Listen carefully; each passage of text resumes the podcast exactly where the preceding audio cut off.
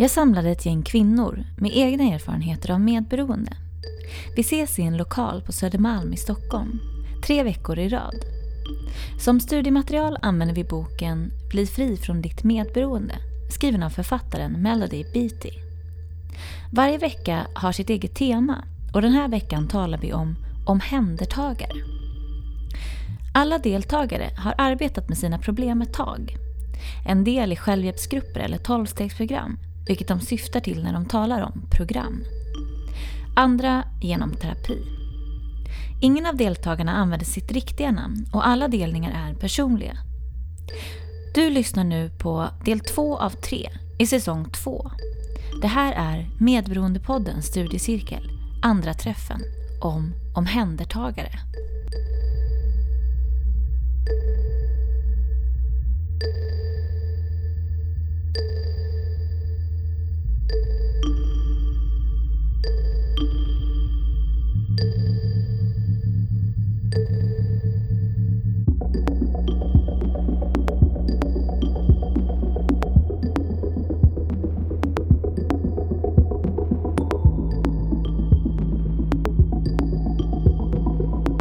Medberoendepoddens studiecirkel är en grupp som alla delar medberoendeproblematiken på ett eller annat sätt. Vi kommer att ses tre veckor i rad och dela våra tankar, känslor och vårt hopp med varandra. Varje vecka har sitt eget tema och veckans tema är omhändertagande. Jag kommer strax att läsa en inledande text som berör temat. Därefter kommer vi att ha en delningsrunda där var och en får dela sina tankar utifrån temat eller något annat som känns viktigt. För enkelhetens skull ber jag alla presentera er vid namn följt av medberoende. Sedan bekräftar vi personen genom att säga hej tillbaka. Alltså, jag heter Ida och är medberoende. Hej Ida! Hej. Varje delning får ta sex minuter. Därefter är det dags att lämna ordet vidare. Vi delar från hjärtat och behandlar både oss själva och varandra med respekt. Nu läser jag dagens text ur Melody Beatys bok Bli fri från ditt medberoende. Och jag läser ur kapitel 8 som heter Avlägsna offret. Vi är räddarna. Vi är världens gudmödrar och gudfäder, som Ernie Larsen uttrycker det. Inte nog med att vi tillgodoser folks behov, vi förutser dem. Vi fixar, vårdar och pysslar om andra. Vi rättar till, löser och tar hand om. Och vi gör det så bra. Din önskan i min lag är vårt tema. Ditt problem är mitt problem, är vårt valspråk. Vi är omhändertagarna. Vad är en räddning? Rädda, undsätta och ta hand om betyder ungefär just vad det låter som. Vi räddar folk undan deras ansvar. Vi tar hand om folks ansvar åt dem. Senare blir vi arga på dem för vad vi har gjort. Sedan känner vi oss utnyttjade och tycker synd om oss själva. Sådant är mönstret, triangeln. Rädda och ta hand om är synonymer. Möjliggöra innebär en destruktiv form av hjälp.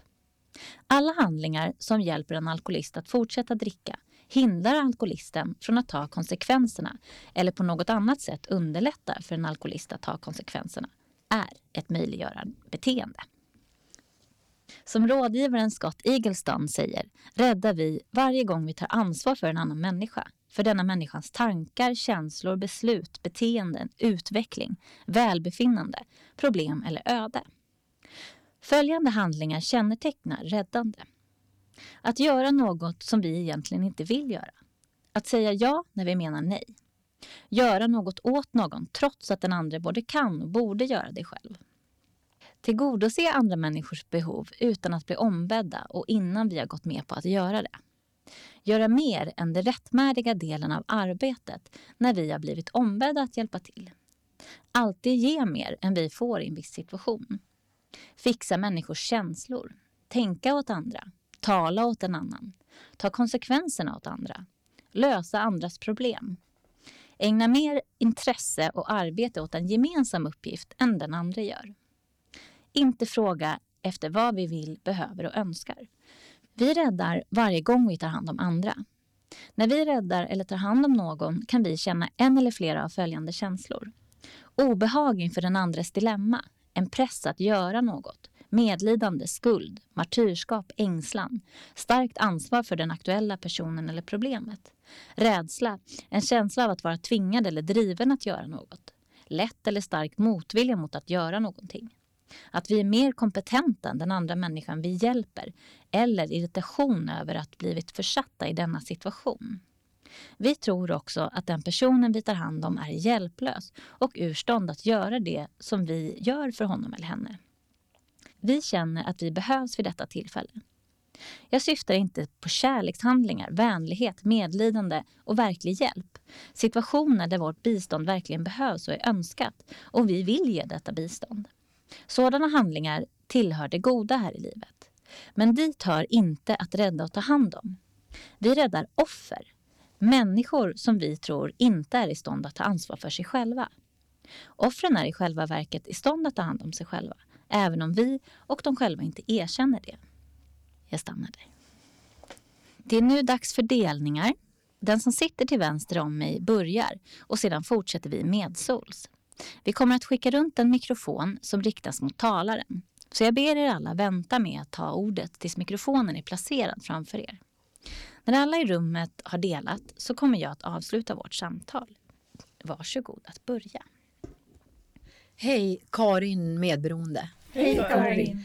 Eh, sen känns jätteskönt att vara här igen. Eh, möjlig, eh, eller eh, omhändertagaren eller möjliggöraren då, eller omhändertagaren. Eh, ja, det var jättemycket tankar som, som snurrade runt i mitt huvud när jag hörde texten. Eh, jag, eh, idag när jag har kommit längre så eh, inser jag ju vilken, eh, ja, vilket virvar eh, av eh, konstiga saker jag har gjort eh, genom alla år. Eh, jag har ju då i eh, över ja, 35 år varit gift med en alkoholist. Eh, vi har idag två vuxna barn och eh, eh, jag har verkligen varit omhändertagande till allihopa. Det har varit, eh, idag när jag tänker tillbaka så, så förstår inte jag ens hur jag orkade och hur jag klarade av eh, min situation. För det, det var... Eh, jag menar, jag hade ju också ett jobb och en karriär vid sidan om samtidigt som jag höll på med allt det här. Så det, det var ju en enorm kraft eh, och eh, eh oerhört jobbigt. Det, det, när det var som värst i min, eh, mitt sjukdomstillstånd eh, då kunde ju jag eh, sitta och eh, tala om för min man vad han skulle säga till sin arbetsplats om det hade hänt någonting. Eh, jag, eh, eh, vi har bott utomlands i ett antal år också och min man har ju har, har också haft en karriär och eh, för mig har det också varit väldigt viktigt med eh, fasaderna förut och eh, ingenting får avslöjas vad som försiggår i, i vårat hem. Ehm, så att det var, då kändes det som att det var så himla viktigt för mig och var vara delaktig i det här. Ehm, så att jag kunde till och med, vilket jag har idag gottgjort och vilket eh, jag kanske under min tillfrisknad och när jag har gjort inventeringar och så vidare har mått sämst av. Det är hur jag har blandat in mina barn i det här omhändertagandet eller som jag kanske då ska säga möjliggörandet. Ehm, jag, vi kunde sitta och ringa runt till sjukhus ihop. Eh, vi kunde sitta och ringa till hotell. Eh, vi, eh, ja, ja, vi, vi har gjort otroligt många vansinniga saker. Ehm, och, och det har med, det, det är ju tillsammans med min alkoholist och då jag försökte liksom rädda situationen hela tiden. Ehm, men sen har jag ju kommit på så här i efterhand att det har ju inte enbart varit i, i min relation till honom eller till det utan det här har pågått inom egentligen alla mina eh, olika eh, eh, områden. Jag var väldigt omhändertagande när det gällde mina barn. Om de, det, det kan vara sådana här små exempel. Nej, vi har inte tid att städa rummet. Eh, vi har inte tid att bädda sängen. Ja, men då var jag där inne och städade rummet och bäddade sängen. Eh, jag kunde säga plocka ur diskmaskin. Alltså det var från allt så kunde inte jag sätta gränser. Utan jag gjorde sakerna. Och ehm, eh, eh, jag eh, har varit likadan på jobbet, tagit eh, på mig saker, gått in och försökt hjälpa, rädda andra personer. Och, och på något sätt så var det så att jag sögs till människor som behövde min hjälp. Eh, och eh, åtminstone så trodde jag det då. Eh, jag var helt, idag ser jag det på lite annat sätt då, men, men eh, eh det, ja, det, det, har varit så enkelt att, att gå in och varit omhändertagen till andra för att det har varit ganska skönt att slippa vara omhändertagen till sig själv. Eh, för det har jag ju missat och det har jag ju märkt att jag har gått i alla år, i ganska många år eh, och eh, glömt bort och ta hand om mig själv. Och det är lite sorgligt när man eh, kommer på så, när, när jag kom på det, eh, att herregud, jag har bara ägnat mig åt eh, andras känslor, andras eh, sjukdomar, andras tillkortakommanden eh, och jag har inte tagit något ansvar för mig själv. Jag har inte brytt mig om mig själv. Eh, och det är ju lite grann som, skulle jag behandla andra människor som jag har behandlat mig själv i 35 år eller mer, sen jag var jätteliten. Jag är en gammal tant. Eh, så eh, skulle ju det vara rent hemskt. Och, och, och det, det, ja, det skulle vara fruktansvärt skulle jag tycka idag. Idag förstår jag helt annorlunda att det är jag som är viktigast. Och det är mitt välmående, att jag mår bra. Eh, och sen eh, kan jag inte ta ansvar för de andra. Eh, däremot så är det ju skillnad på medkänsla, som också nämndes i texten, medkänsla eh, och medberoende. Eh, medkänsla har jag alltid haft och det kommer jag alltid att ha. Eh, att hjälpa människor i nöd och eh, så vidare. Men eh, idag så vet jag bättre än att eh, gå in och, och eh, hjälpa människor och ta hand om människor som inte ens vill ha min hjälp. Tack. Tack. Tack. Hej Felicia medberoende. Hej Felicia. Det är ganska intressant för att jag när jag började komma till programmet för gud jag tror det är kanske ett och ett halvt år sedan. Um, då, då var det en, en stor, ett stort tema som många pratade om det här med att ta hand om andra som jobbar men jag kände inte igen och jag bara men då är jag inte medberoende liksom.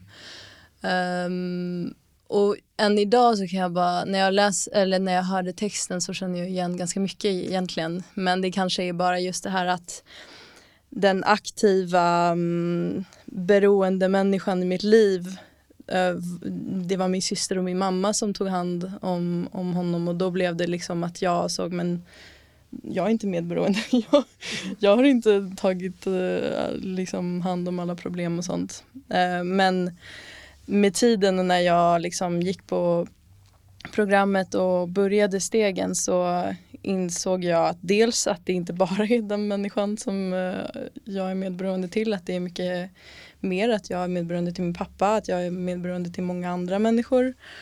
Och um, att jag inser att det, det kanske inte är aktivt att liksom jag tar, att jag, vad säger man, eh, fixar andras problem men jag har anpassat mig så otroligt mycket till andra människor och till deras eh, liv och vad de vill och vad de ska göra vilket gör att jag inte har tagit hand om mig själv. Mm. Samma liksom.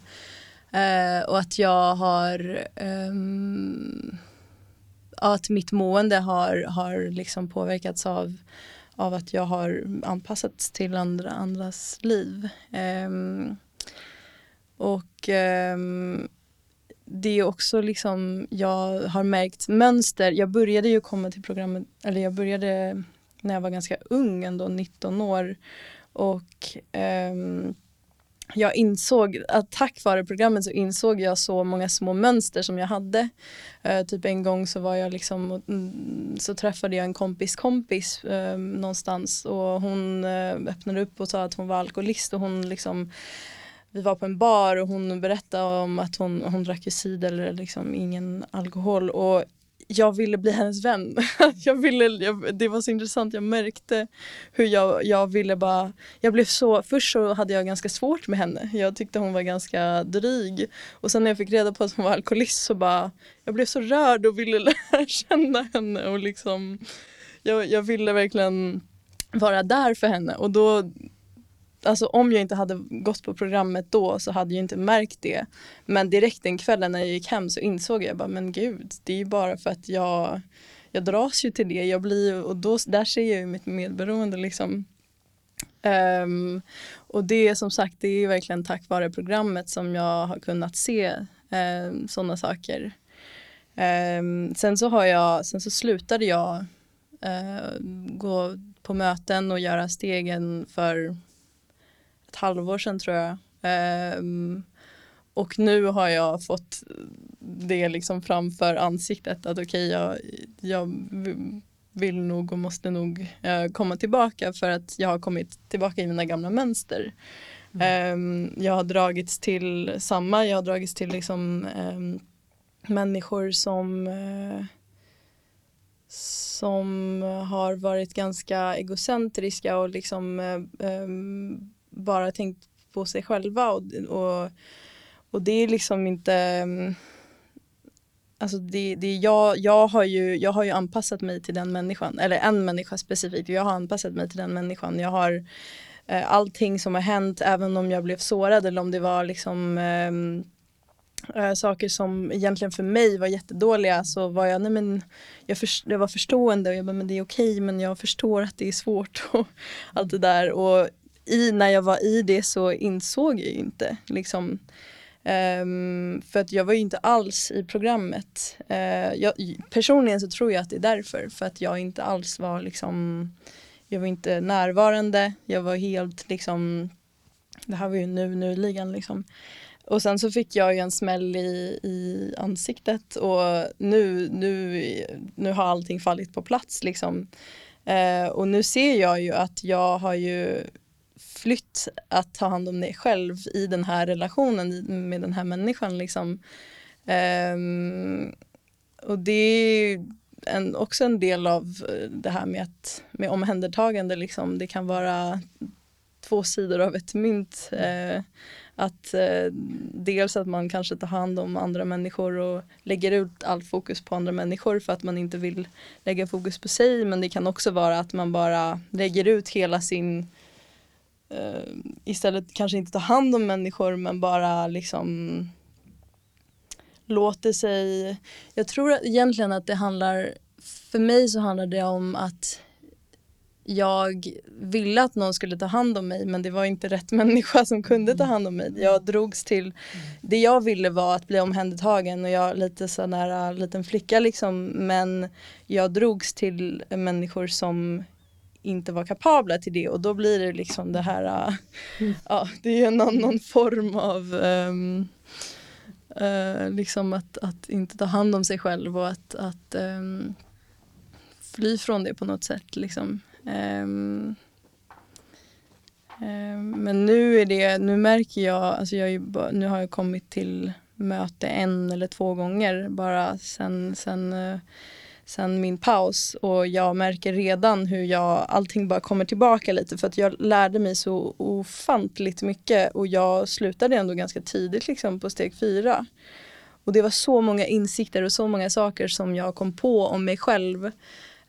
Um, och även liksom ändrat beteende att jag Tack för tid. Uh, att jag betedde mig uh, mer uh, liksom medvetet, att jag är mer medveten om mina val och sånt um, tack vare programmet och tack vare att man hör andra människor som beter sig som en uh, man hör liksom delningar och man får mm, perspektiv utifrån. Uh, så nu bara av liksom ett eller två möten så märker jag ju saker som jag hade glömt och som jag hade tryckt undan kommer tillbaka. Och det är väldigt, väldigt häftigt faktiskt. Um, ja, jag, jag tror att jag stannar där faktiskt. Tack. Tack. Hej, Anna medberoende. Hej Anna. Hej. Eh, jag känner igen mig väldigt, eh, väldigt, väldigt mycket i texten. jag har ju, det har ju varit min paradgren och eh, omhänderta och eh, veta vad som är bäst för alla människor och så. Brukar kalla mig övervattnare på alla olika sätt. eh, både med blommor och barn och allting. Eh, men eh, jag föddes ju i en familj där min pappa var alkoholist och min mamma var väldigt medberoende. Och jag fick ju tidigt väldigt stor bekräftelse just att, att, att, att, att, vara, att omhänderta och ta ansvar och vara snäll och ta hand om, om, min mamma och pappa i alla olika kriser och mina syskon och sådär. Eh, så det, det, blev väldigt tidigt för mig någonting som jag märkte att jag var bra på och att jag då tog den rollen.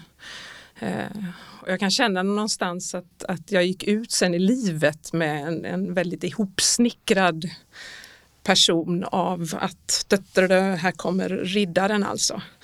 Eh, men med ett hål i mig eh, som bara skrek efter att själv bli, bli omhändertagen. Eh, men det var någonting väldigt skamligt det där att jag själv ville bli omhändertagen.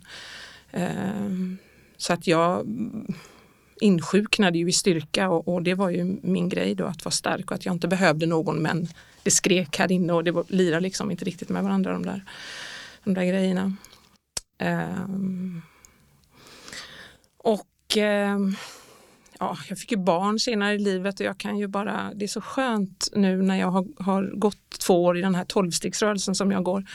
Eh, där jag kan så tydligt se mina mönster och eh, det är så fint också att jag faktiskt inte, inte skäms för det längre. Utan att jag verkligen kan prata om det och, eh, och se hur tydligt, hur tydligt det var för mig vad kärlek är. Att, kärlek är liksom att, att bara ge mig själv till 150 procent. Och jag glömmer väldigt lätt av mina egna behov eh, när det kommer till dem som jag, som jag älskar. Um, och det innebär liksom att, och samtidigt har jag haft den här starka, eh, ganska power-mamman på något sätt där jag har varit väldigt bra på att sätta vissa gränser och sådär liksom ändå. Att jag har varit väldigt utåt, väldigt den här jag blev tidigt ensamstående mamma och det var ju också liksom, detta här ser ni, liksom, nu är jag riktigt ensamstående och kolla hur jag bollar de här två tvillingarna. Liksom. Och jag kommer ihåg grejer som jag kan tänka på nu som är helt sjuka. Alltså att jag, jag, vet, jag var ute och gick med dem i vagn någon gång när de var små och fick syn på två cyklar och då var vi kanske en mil hemifrån.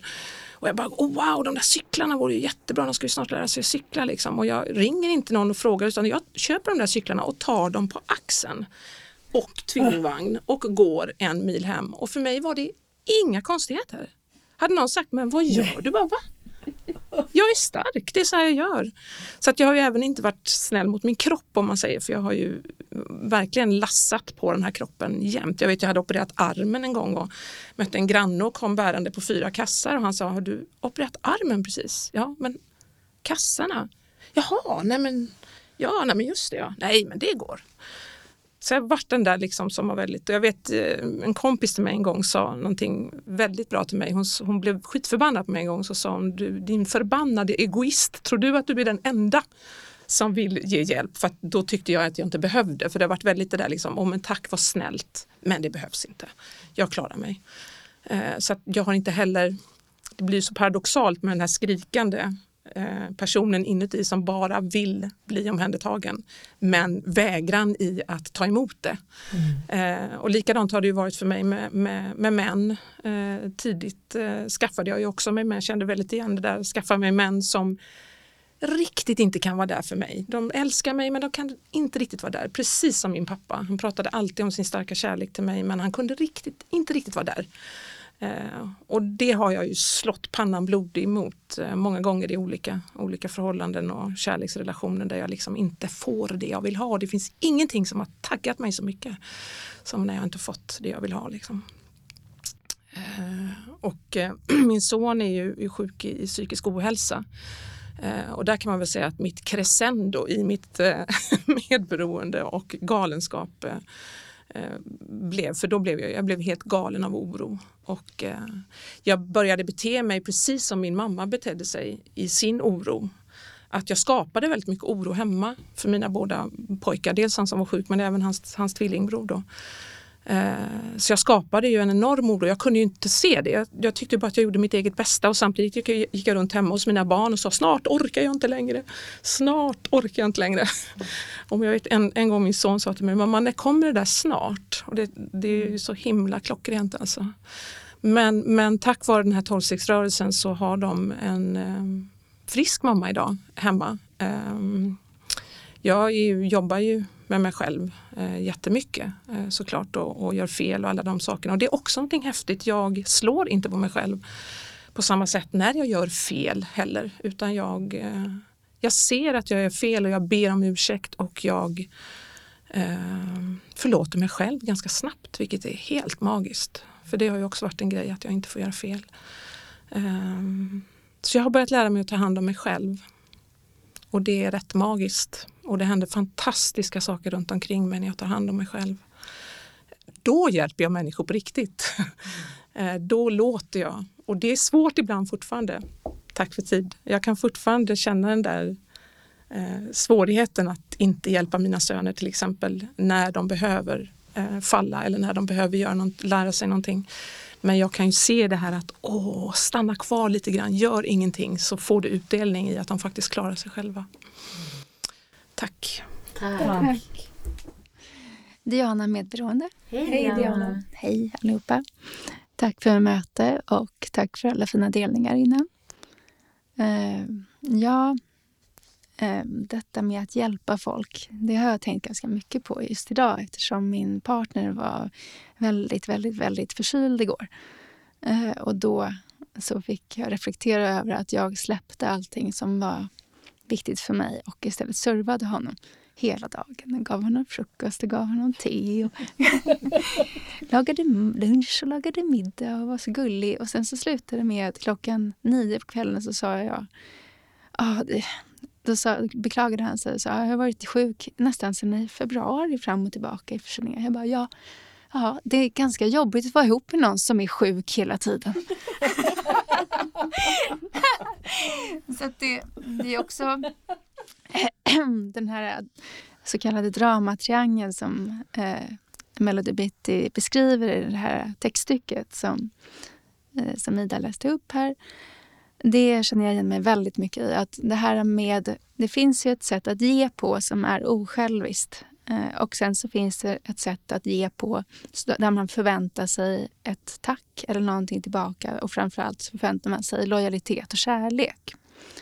Eh, och i mitt medberoende så har det varit väldigt mycket så att jag har sökt mig till folk som, eh, som jag faktiskt ser som offer på olika sätt och vis och samtidigt eh, ser upp till. Det är väldigt dubbelt. Så jag har sökt mig till partners som är väldigt kunniga inom sin gren kan man säga, men helt värdelösa på sånt som jag kan. Så att jag kan få hjälpa till med det. Eh, och glömma bort mina behov. Eh, så att den här hjälpen som jag ger, den har ett pris. Och nu i programmet så har jag mer och mer kunnat förstå vad, det, alltså vad baksmällan är. Och baksmällan är ju inte bara för den andra personen, nämligen att den blir försatt i känslomässig skuld. Eh, utan den blir också för mig. För att när jag sen lämnar den personen och känner mig duktig, går, eller när vi skiljs åt, då kommer jag tillbaka till mitt eget liv och då är det kaos där.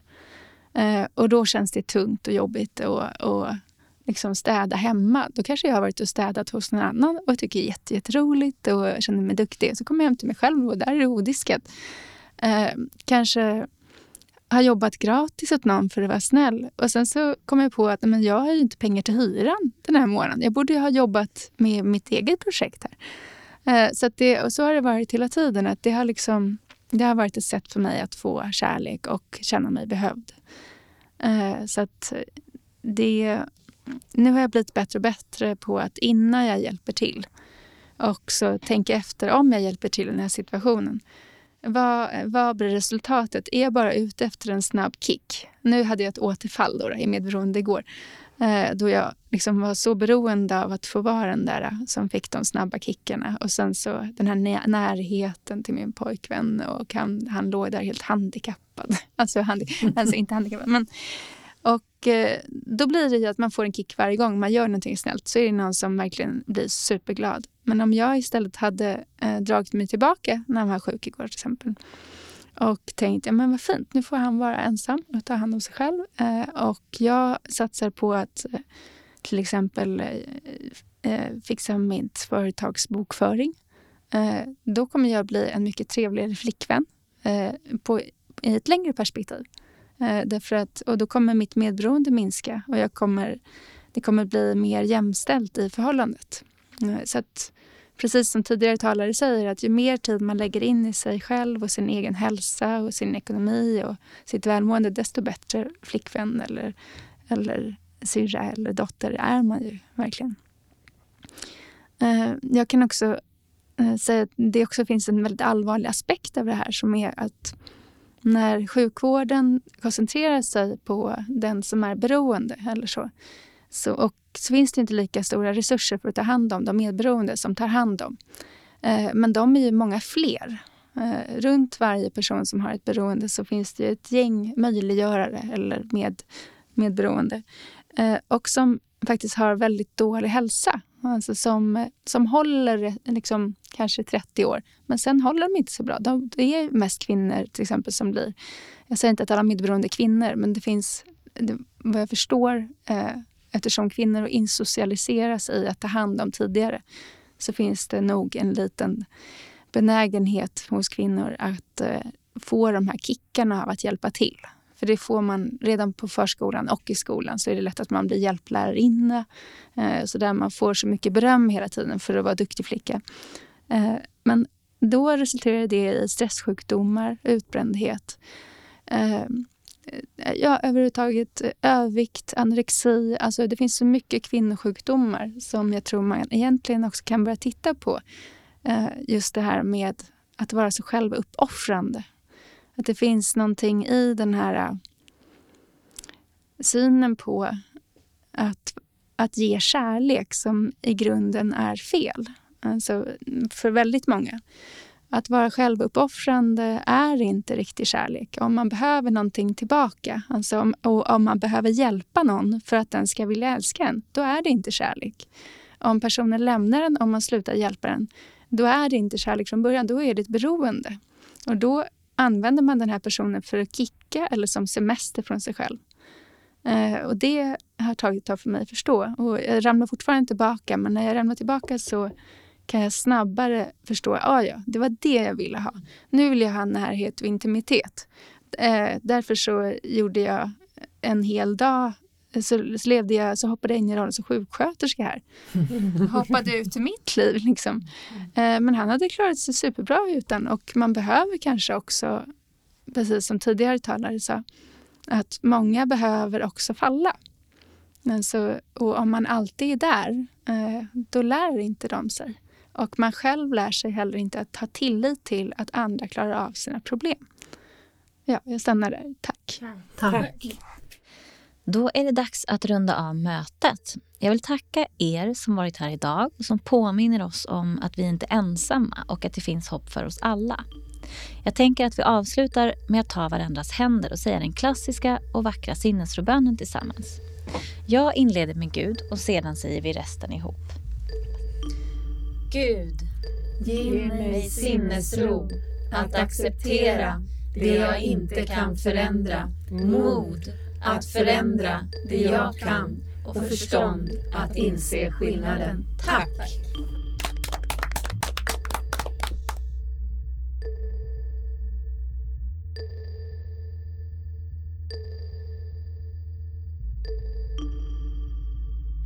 Du har nu lyssnat på andra delen i andra säsongen av serien Medberoendepoddens studiecirkel.